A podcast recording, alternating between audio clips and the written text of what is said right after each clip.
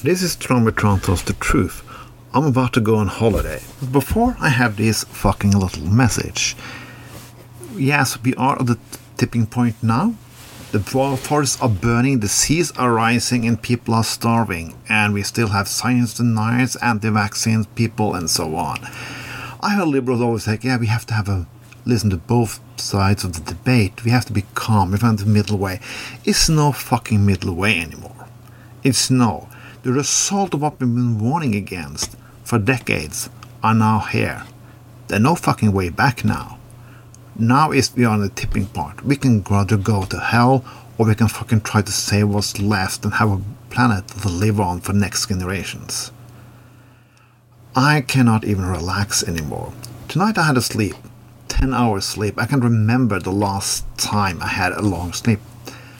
That was not because I'm I'm not buried anymore or as calm. It's because I was fucking so overtired. This is election year in Norway. And I hope for a green revolution. But every time I'd fight for it, I always heard a good old argument from the conservatives communist, socialist, communist, leftist, and so on and so on. If people call me leftist, I don't give a fuck anymore. Because it's only words. The conservatives have nothing left than fucking words. They still think this is the Cold War, where the only argument they have against everybody who try to stand up to something or disagree about something the state does or the government does as commie. Well, don't give a shit about it anymore. If they try to fight silence you with screaming those words, you should just be louder.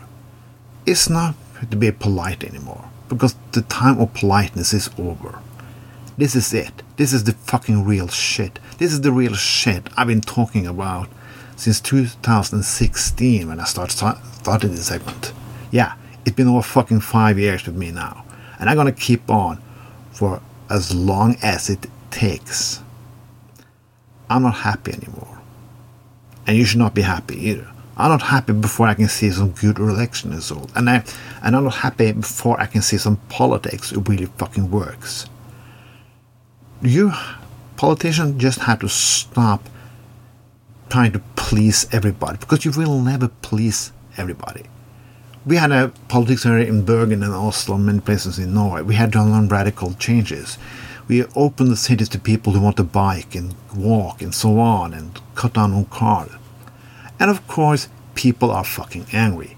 People who want the world to stay as it is and, and close their eyes and close their ears are always fucking angry. Even if you all kinds of politics. When people are fight against like white supremacy and so on, there are always people who are angry. Angry, angry, fucking angry every time.